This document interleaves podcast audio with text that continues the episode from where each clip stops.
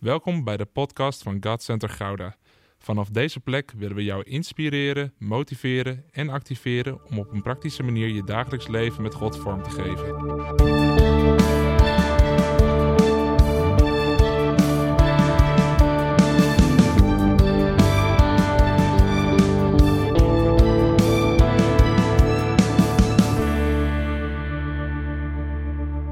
Zullen we gaan staan met elkaar? Ja, want we hadden van de week een afspraak, Jeroen en ik. We hadden een date met elkaar. en toen heb ik ook even gevraagd van, joh, waar, waar, waar- zitten jullie op dit moment in de, als gemeente, in het thema en zo? Ik was een, even een beetje aan het zoeken van, waar ga ik over spreken? En dus ik had wat opties genoemd en uiteindelijk hadden we een keuze samen gemaakt van, nou, dat lijkt me een goede optie om te doen. Dus dan ben je ook over aan het broeden. En eh, ik had gisteren een drukke dag. Ik, eh, ik moest ergens eh, op een leiderschapsschool de hele dag lesgeven. Het was intensief, kwam heel veel pijn kwam er, kwam er los die dag. En ik was moe, maar goed, ik denk, ik, ik moet nog mijn preek moet ik, moet ik schrijven. Dus dat heb ik gedaan. En dan ga je voldaan naar bed toe. En ik werd om half zes vanochtend wakker. En toen begon de Heer tot me te spreken. En een profetisch woord voor deze gemeente, met daaraan gekoppeld ook een boodschap. Ik heb gezegd, Heer, liever niet, ik wil eigenlijk nog even slapen. En, eh, maar uiteindelijk ben ik er toch maar uitgegaan. En, eh, en wil ik het profetisch woord ook op dit moment geven aan, eh, aan jullie, aan deze gemeente. En daaraan gekoppeld, zeg maar, een, een prediking die daar alles mee te maken heeft. En, dus het is voor mij ook, ook heerlijk vers. Ik wil je eigenlijk vragen of je, want het is, een, het is een woord voor de gemeente, of je even arm in arm wil, wil gaan staan. Jezaja 54, daar werd ik mee wakker vannacht. Jezaja 54, vers 2 en 3. En ik ben er gewoon helemaal een beetje opgewonden en bewogen over. Vergroot de plaats voor je tent. Span het tentdoek wijder uit, zonder enige terughoudendheid. Verleng de touwen. Zet de tentpinnen vast. Naar alle kanten zul je uitbreiden. Je nageslacht zal de vreemde volken verdrijven en de verlaten steden bevolken. Ik wil vragen of je ogen gesloten wil houden. Om het woord van God te ontvangen voor deze kerk, voor deze gemeente. Ik geloof dat deze, God deze kerk heeft uitgekozen om een apostolisch-profetisch centrum te zijn. Een apostolisch-profetische stem in het land. Ik geloof dat deze kerk een soort modelkerk ook zal zijn voor, voor vele, vele, vele andere kerken. En dat God expansie en groei gaat geven. En ik geloof dat de- deze gemeente ook eh, op het gebied van worship een, een eigen geluid gaat klinken. Zoals we spreken met elkaar over, over battlemuziek en over elevation. Er zal er gesproken worden over God Center Gouda muziek. Er, zal hier een, er zullen hier nieuwe liederen geschreven worden, nieuwe liederen ontstaan. En profetisch ook voor de tijd waarin we leven. En die zullen in andere kerken zullen die liederen opgepikt worden en zullen gezongen worden. De- deze gemeente zal toonaangevend zijn op het gebied van, van, van lofprijs en aanbidding. Van worship. Een eigen sound zal komen. Dat is het eerste wat ik zag en wat ik ervoer over deze kerk. Maar wat ik ook zie, is dat deze kerk gewoon ja, een apostolisch centrum zal zijn. Waar zoveel bedieningen en zoveel leiders uit voort zullen komen. Waar zoveel mensen getraind zullen worden uiteindelijk. In deze gemeente zullen vaders en moeders zijn. Onder wiens vleugelen zoveel jonge mensen zullen opstaan. En ik zie ze uitgaan over het land, weet je. En ik zie ze bedienen. Ik zie ze naar het noorden gaan, naar het zuiden gaan, naar het oosten gaan, naar het westen gaan. Ik zie zoveel gebeuren, weet je.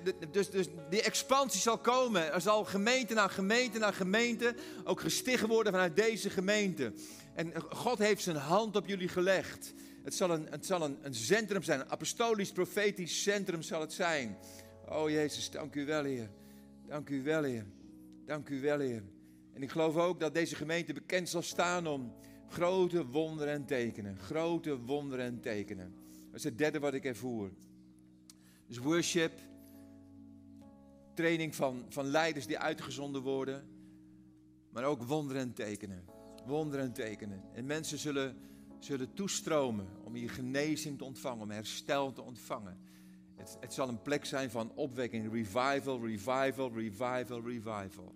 revival, revival, revival. Dus opnieuw zegt God, vergroot de plaats voor je tent, span het tentdoek wij eruit, zonder enige terughoudendheid, verleng de touwen, zet de tentpinnen vast, naar alle kanten zul je uitbreiden, je nageslag zal de vreemde volken verdrijven en de verlaten steden bevolken. In Jezus' naam. Amen. Amen. Laten we God een applaus geven.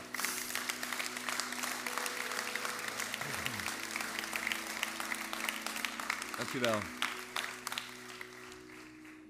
U mag gaan zitten. Ja. Ik wil nog even een boek weggeven. Het is, uh, we komen toe naar Sinterklaas in december als je op zoek bent naar cadeautjes. Ik heb uh, ooit een heel mooi dagboek geschreven, vind ik zelf. Ja, soms moet je ook gewoon trots op jezelf zijn. Ik vind ik een heel mooi dagboek heb geschreven. En, uh, dus die wil ik bij je gewoon bij je, bij aanbevelen, die is te krijgen. En ik heb ook een speciaal dagboek op mijn boekentafel liggen voor vrouwen. Glow heet dat. En daar, hebben een stuk of 15 vrouwen aan geschreven, waaronder mijn eigen vrouw. Daarom heb ik hem ook op mijn boekentafel leggen. Dus als je een vrouw bent en zegt van hé, ik wil echt een, een dagboek wat meer op, echt op mijn vrouw zijn gericht is, uh, dan kan je dat ook krijgen. Wie wil deze hebben? Wie zegt van, uh, die meneer, die stak als eerste je hand op. Je mag hem zo meteen... Uh, en je kunt de afloop afrekenen bij me. Ik heb een, een pinapparaat bij me. Ja. Al die diezelfde grapjes. Goed, ik werd vanochtend wakker met, met deze gedachte. En toen ging ik daarop voortbeduren en toen dacht ik van, maar hoe ziet zo'n kerk er naar uit? Wel, welke elementen, welke, welke zeg maar, eh, principes moeten er in die kerk aanwezig zijn? En toen dacht ik, dan moet ik terug naar de eerste kerk. Dan moet ik terug naar die kerk die zo ongelofelijke impact heeft gehad op de toenmalige wereld. Laten we eerlijk zijn. In 30 jaar tijd heeft die eerste gemeente zo'n enorme invloed gehad. En is het evangelie op zo'n geweldige wijze verspreid.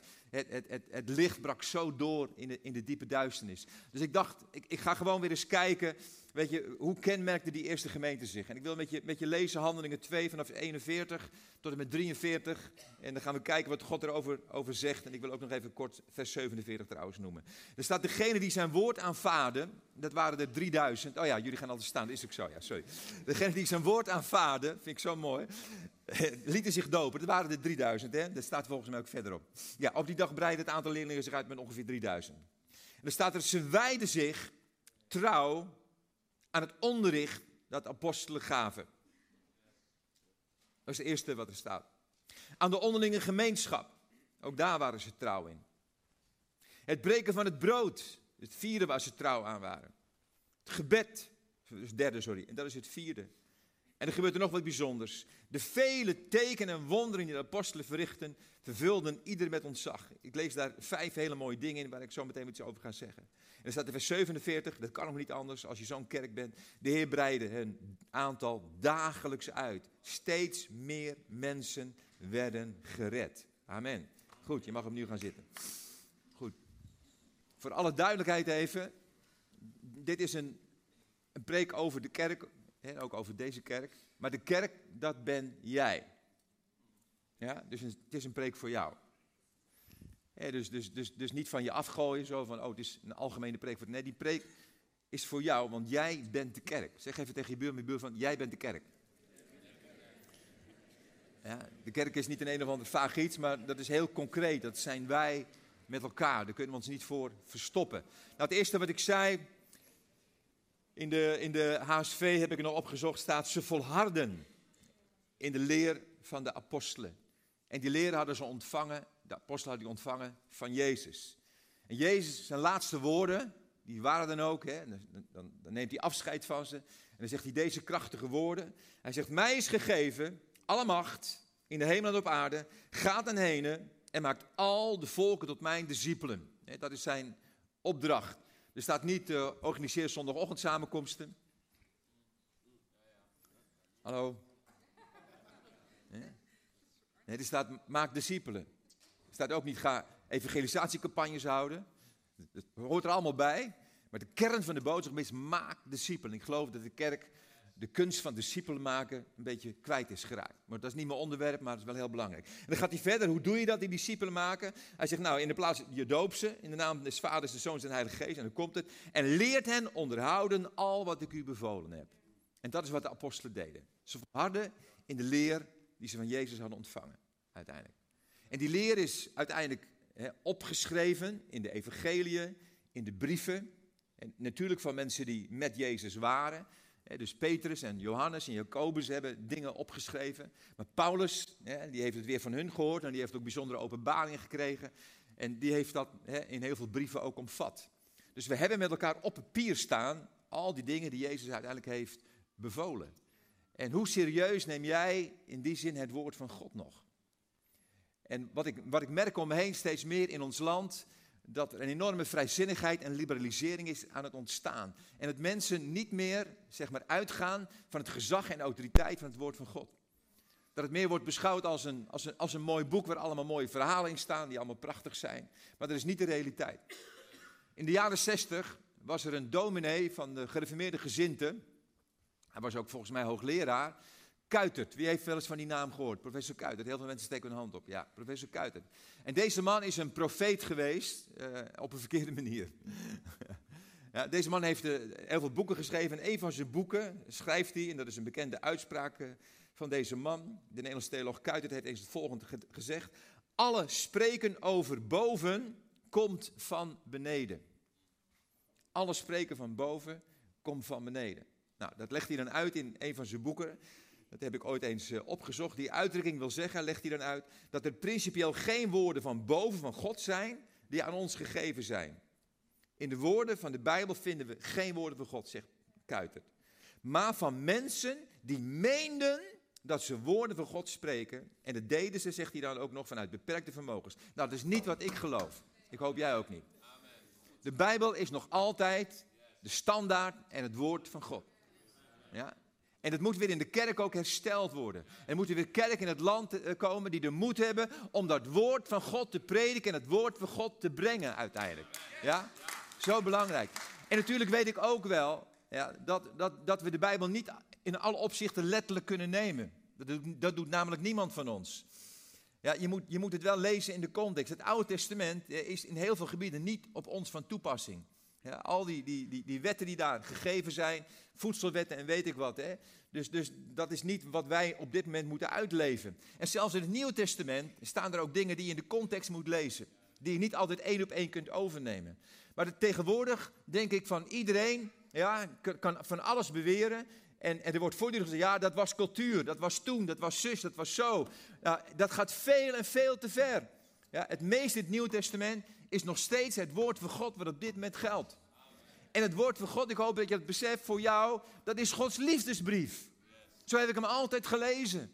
De eerste keer dat ik die Bijbel in mijn hand had, toen ik bekeerd was, die Bijbel lag al drie maanden in mijn, in mijn huis, die had, ik, die had ik gehad van iemand. Ik had een bladzijde gelezen en dichtgeslagen en uitgeroepen rubbish. En ik gooide hem in de hoek van de kamer. Drie maanden later kom ik tot bekering. Ja, en ik, ik loop naar die hoek van de kamer toe, ik pak die Bijbel, begin te lezen en ik tranen in mijn ogen. Waarom? Omdat ik op een van die begreep, dit is een liefdesboek. Ik had de auteur van het boek leren kennen. Dus Gods principes zijn, zijn liefdesprincipes voor jou. Ik, ik, heb, ik heb vier prachtige kinderen, de oudste is een zoon.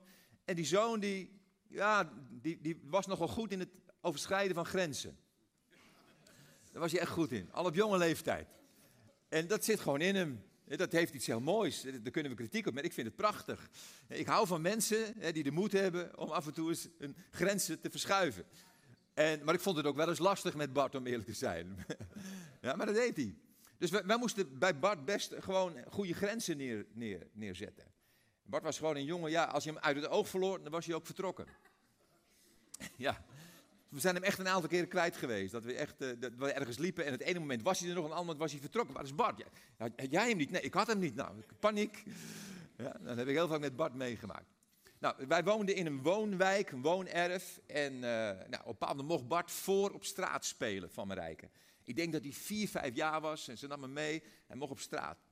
De Piet Heinstraat, daar woonden we met elkaar. Een veilige straat. Er kwam wel eens een auto, maar er was geen druk verkeer. Je mocht er niet harder dan 30 kilometer. En het was zo'n woonerf met allemaal plantenbakken, waarin je met je auto dus ook een beetje moest slingeren. Allemaal.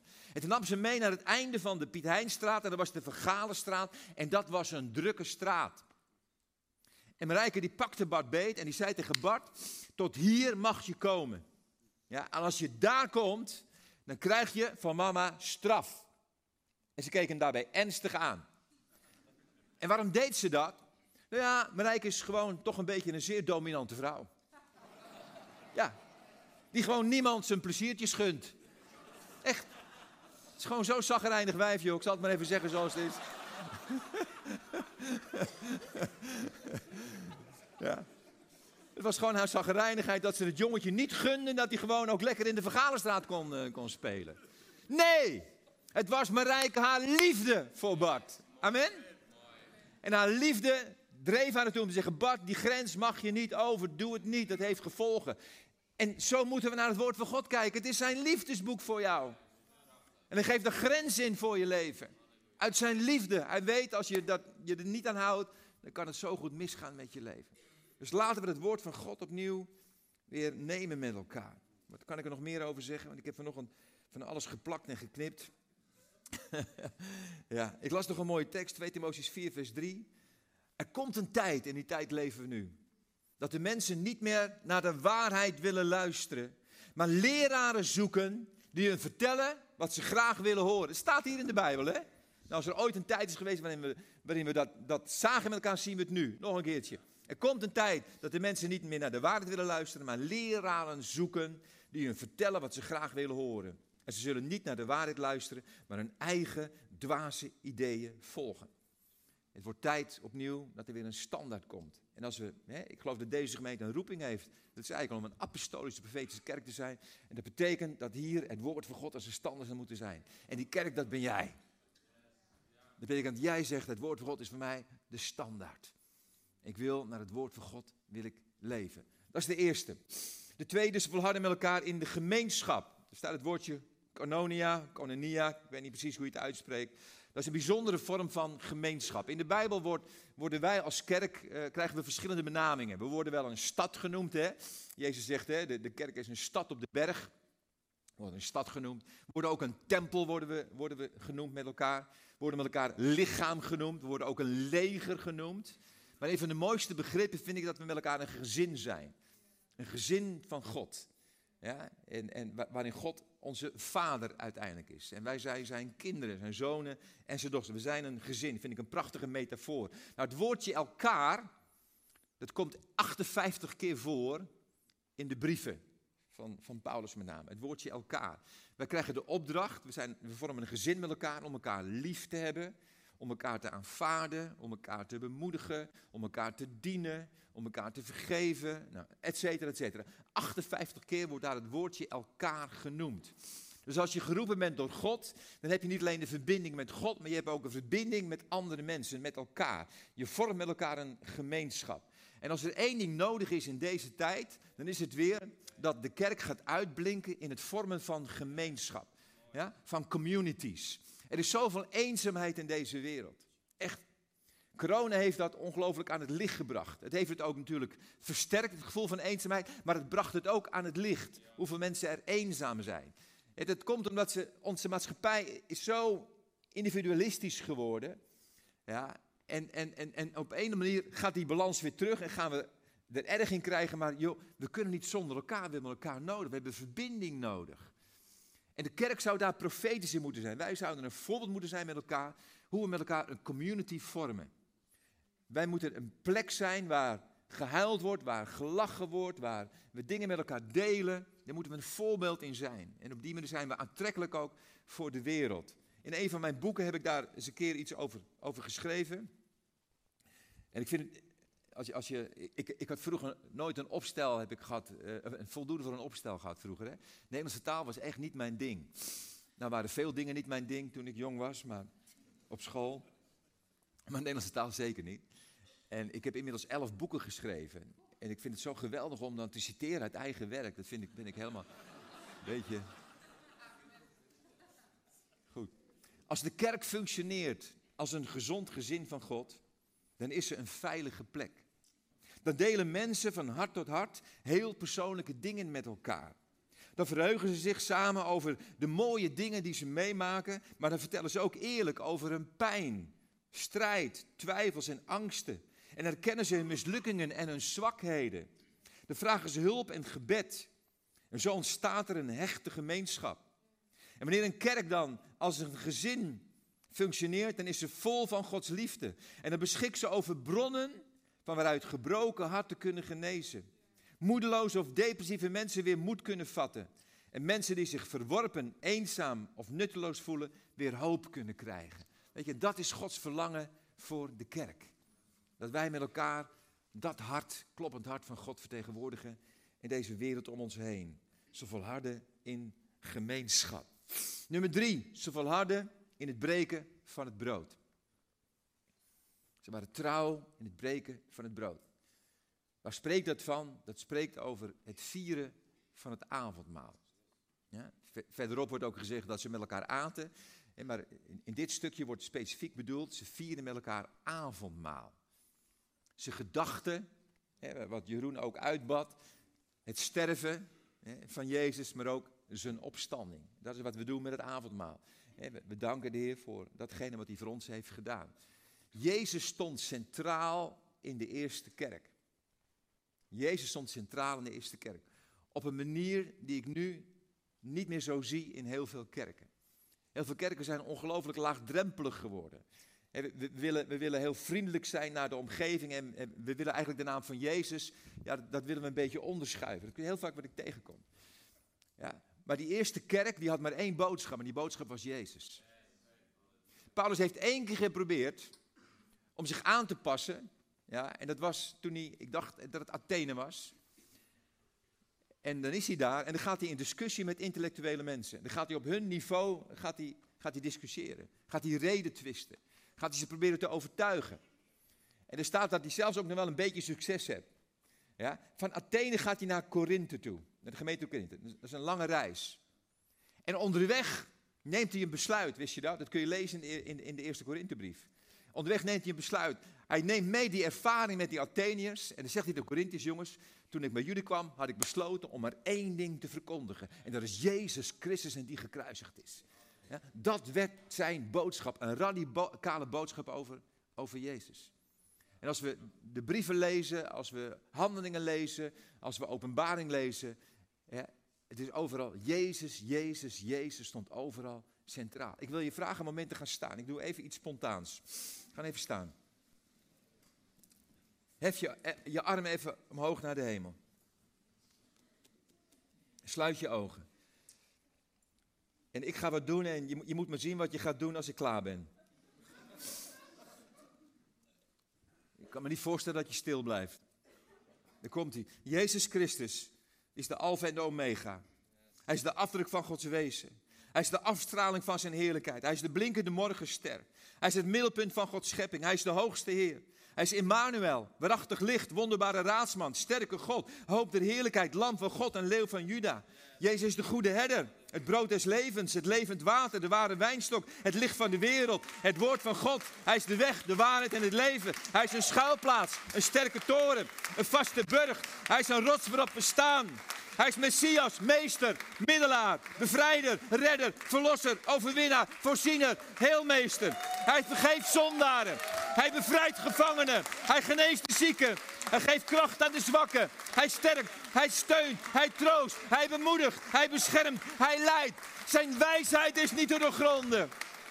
Zijn liefde is niet te meten. Zijn grootheid is niet te bevatten. Zijn genade is buitensporig. Jezus is ongeëvenaard.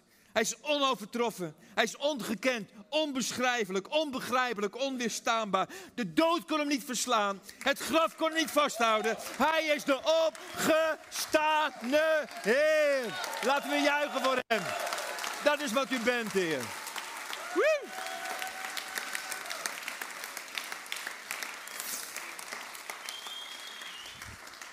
Ja, gaan we weer zitten.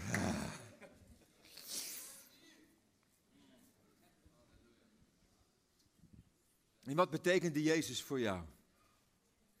Is die Jezus ook werkelijk het middelpunt van jouw leven? Heb je hetzelfde verlangen als Paulus? En ik kan zeggen dat het ook mijn verlangen is met Paulus, dat meen ik echt. Paulus had een onbeschrijfelijke ervaring toen hij tot bekering kwam. Zijn leven stond helemaal op zijn kop, radicaal. Had Jezus ontmoet. Hij zag Jezus echt, een verschijning van Jezus. En alles veranderde voor zijn leven. 30 jaar later, meer dan 30 jaar later, schrijft hij een brief vanuit de gevangenis. Filippenzen. En dan zie je dat in 30 jaar tijd zijn passie voor Jezus geen millimeter minder is geworden. Integendeel, die is alleen maar meer geworden. Hij was zo gefocust op Jezus. En dan schrijft hij in die brief aan de Filippenzen, ik lees even wat teksten eruit voor.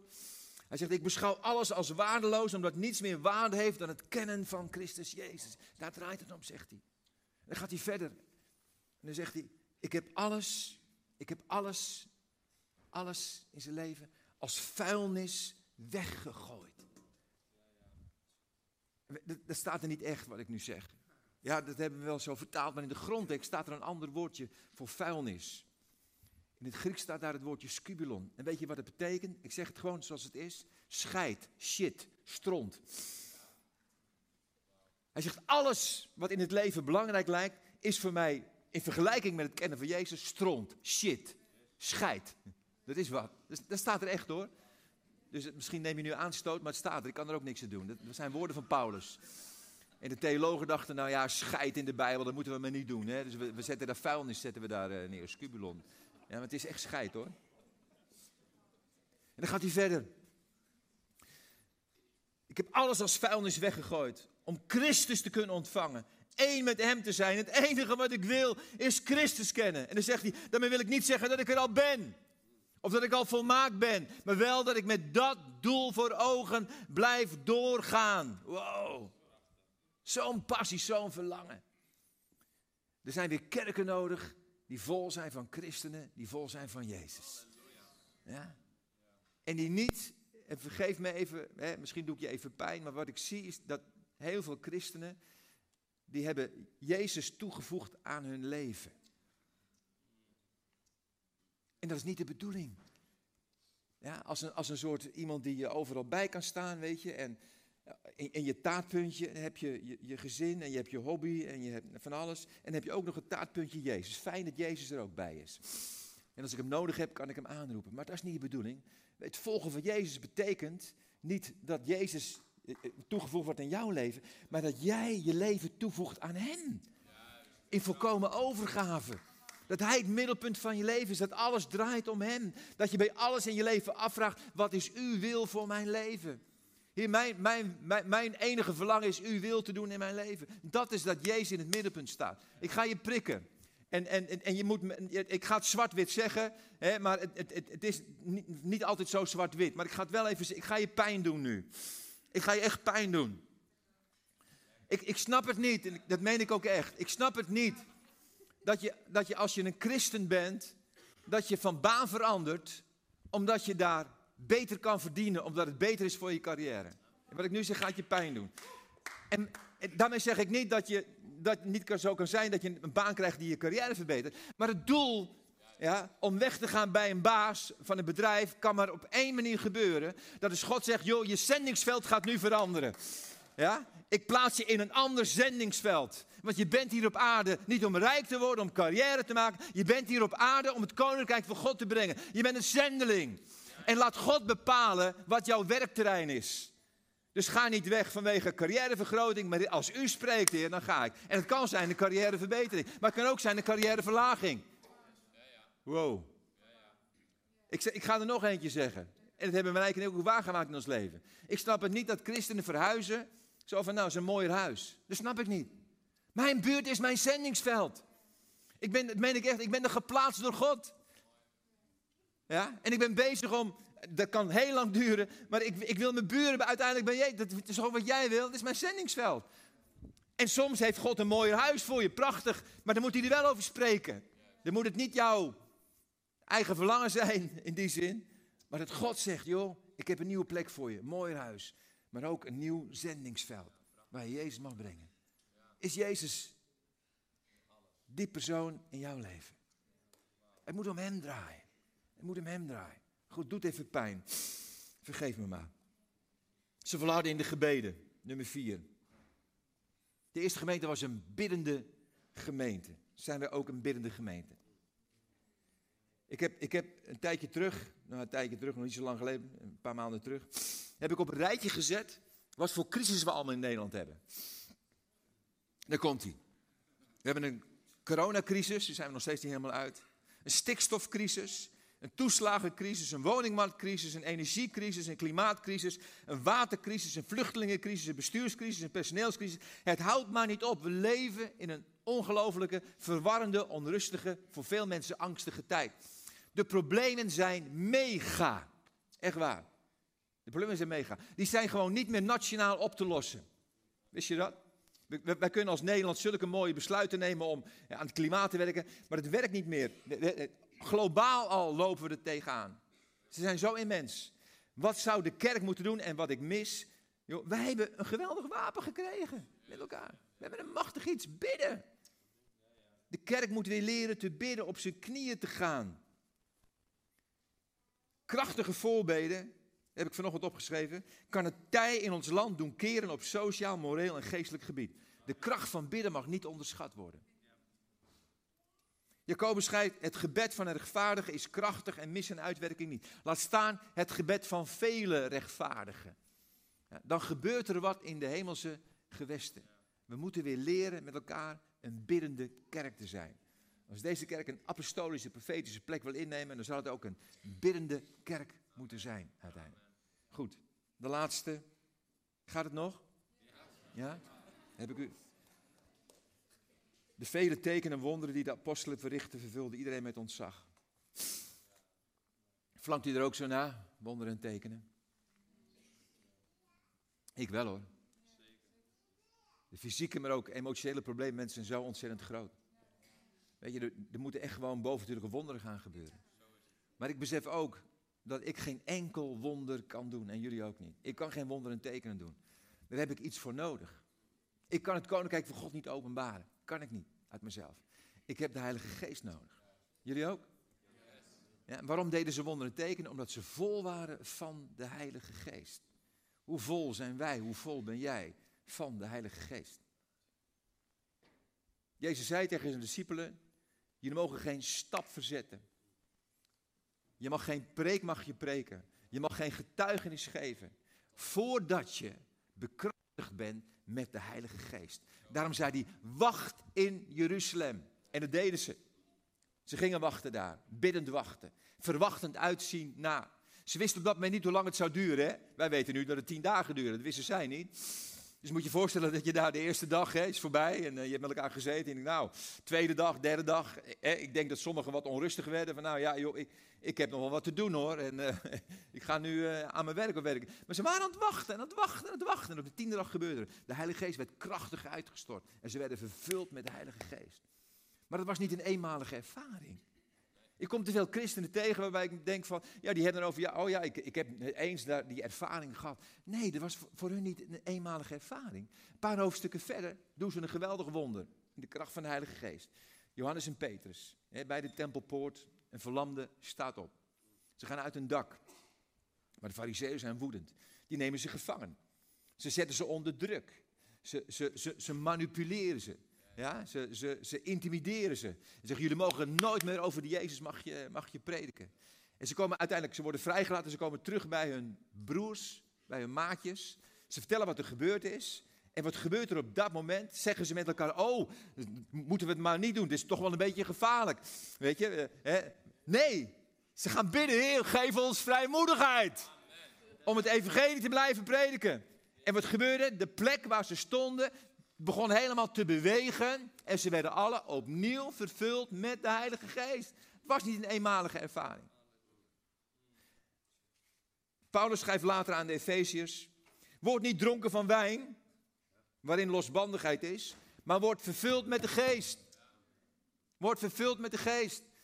losbandigheid van wijn, dat is alles wat de wereld te bieden heeft, maar word vervuld met de Geest. In de grondtekst staat er letterlijk: Wees steeds bezig Wees steeds bezig, nog een keer, wees steeds bezig om vervuld te blijven van de Heilige Geest. Dat is een continue bezigheid. De eerste gemeente wist en kende het belang van de Heilige Geest. En wij zijn het een beetje, nou een beetje, we zijn het behoorlijk kwijtgeraakt. Ik zal heel eerlijk zijn. Ik spreek jaarlijks zo'n 150 keer. Ik kom in allerlei soorten kerken. Pinkstergemeenten, vol evangeliegemeenten, charismatische evangelische gemeentes, PKN-kerken, christen gereformeerd, gereformeerd vrijgemaakt, baptist, ik kom op allerlei plekken. Maar ik mis in het grootste deel van de kerken het werk van de Heilige Geest. En dat meen ik echt. Ik mis het werk van de Heilige Geest. Ik mis de verrassing. Ja, ik, mis, ik mis de uitingen van de, van de Heilige Geest. Zo ontzettend belangrijk. Dat we als kerken weer vol worden van de Heilige Geest. Ik was uh, vorig jaar Pinkster. Een week voor Pinkster moest ik spreken in een, in een kleine charismatische gemeente. En uh, het was coronatijd, dus het mochten maar 30 man. Het was al een kleine gemeente, maar hè, 30 was natuurlijk het, uh, het minimum. Ze hadden niet eens een, een worship band, want er waren wat ziek ook in het muziekteam. Dus ze deden het met YouTube-filmpjes. Het was een week voor Pinkster. Ik dacht, nou, ik, ik ga maar een preek houden over de Heilige Geest. Dus ik hou die preek over de Heilige Geest. En terwijl ik bezig ben, merk ik gewoon dat de Heilige Geest al begon te werken. Mensen werden aangeraakt. En aan het einde van mijn preek viel de voorganger op zijn knieën neer, huilend. Hij huilde en hij riep het uit. Heilige Geest, vergeef ons dat we u niet de plek en de ruimte hebben gegeven die u toekomt. Hij huilde, huilde. Ben ik een stuk bediening gegaan en ik was zelf niet geraakt, niet ontroerd. Het was, ja, dat heb je wel eens, hè, dat je gewoon het instrument bent, maar dat je zelf niks voelt. En ik gaf het over aan de aanbiddingsleidster. En die begon het nummer van Martin Smit te draaien. En dat had ik wel eens een keer gehoord, maar niet bewust, denk ik. Come Holy Spirit. Ik weet niet of je het nummer kent, maar dan moet je maar opzoeken. Come Holy Spirit, Martin Smit. Man, wat een lied, wat een profetisch lied. Het is een schreeuw in het lied van Martin. Van Heilige Geest, kom opnieuw. Er is een nieuwe uitstorting van uw geest is er nodig.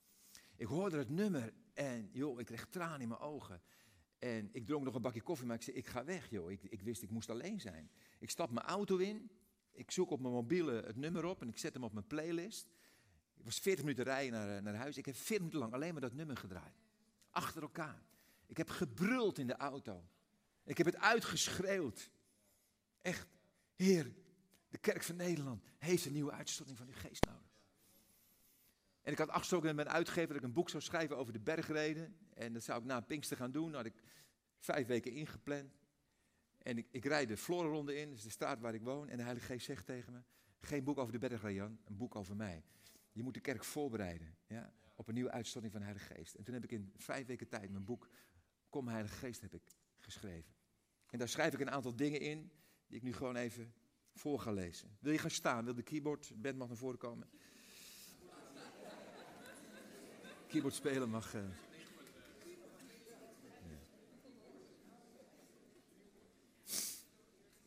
Dus ik lees gewoon het voor uit mijn boek. En de, de Heilige Geest was daarin en is daar nog steeds in. De vroege christenen hadden de boodschap van Jezus goed begrepen. Ze wisten hoe belangrijk het was om in totale afhankelijkheid van de Heilige Geest te leven. Het was de Heilige Geest die hen in staat stelde om het koninkrijk van God met kracht te openbaren. Maar al in de tweede eeuw sloeg de kerk een andere weg in. De dynamiek van de geest werd steeds minder. De kerk vond het belangrijker om vertrouwen te stellen in menselijk kunnen dan om geduldig te wachten op de Heilige Geest. De orde van de geest werd vervangen door de orde van de mens. En de aanwezigheid van Gods geest verdween meer en meer uit de kerk. Maar gelukkig zijn er steeds opnieuw momenten in de kerkgeschiedenis geweest waarop christenen zich ervan bewust werden dat ze de Heilige Geest nodig hadden. En vanuit dat verlangen ontstonden er opwekkingen. Zo was er aan het einde van de 19e eeuw een bijzondere opwekking in het kleine dorpje Mottlingen in Duitsland. En deze beweging van Gods geest ging gepaard met enorme tekenen en wonderen en veroorzaakte een schokgolf door het hele land en ook door Europa. Vele tienduizenden mensen reisden naar het kleine dorpje, speciaal om God te ontmoeten. Het was een dorpje van nog geen 500 inwoners om hun zonde te beleiden en om persoonlijke geestelijke vernieuwing, genezing en bevrijding te vinden. En deze opwekking ontstond doordat de lokale dominee, Johan Bloemhart, ontevreden was over de status quo van zijn eigen spiritualiteit en die van de kerk. En in mijn boek citeer ik een gebed van hem. En ik kan het bijna nooit, zonder emotioneel te worden, voorlezen. Hij zegt, ik verlang naar een nieuwe uitstorting van de Heilige Geest. Een nieuw Pinksterfeest. Die moet komen voordat er iets kan veranderen in de christenheid. Want het kan in deze miserabele toestand niet langer voortgaan. De gaven en de krachten van de vroeg-christelijke tijd. Oh, hoe verlang ik ernaar dat die wederkeren. En ik geloof dat de Verlosser gewoon staat te wachten tot we Hem erom vragen. Als ik kijk naar wat we hebben, dan moet ik vanzelf zuchten. O Heer Jezus, is dat de beloofde geest waarvoor u aan het hout hing? Waar is de geest die natie na natie doordringt met dezelfde vaart als in de tijd van de apostelen? En dan schrijf ik in mijn boek tot slot, het laatste stukje van mijn boek. Het is mijn gebed. Dat is mijn dagelijks gebed al jarenlang. Het is mijn gebed dat er in de kerk van Nederland ook zo'n ontevredenheid over de status quo van de kerk komt. En dat we het net als dominee Bloemart gaan uitroepen naar God. Het is niet overdreven om te zeggen dat de toekomst van de wereld in handen ligt van lokale kerken. De enige echte hoop die de wereld heeft is Christus in ons en de Heilige Geest die er ons heen werkt. Daarom hebben we het zo nodig om vol te zijn van Gods geest. Er moet wat gebeuren, want zo kan het niet langer. Kom, Heilige Geest.